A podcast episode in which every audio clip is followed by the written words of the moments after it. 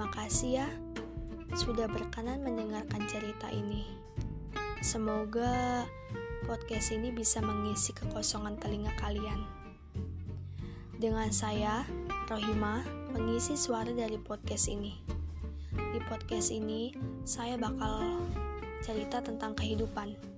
Jadi, selamat mendengarkan.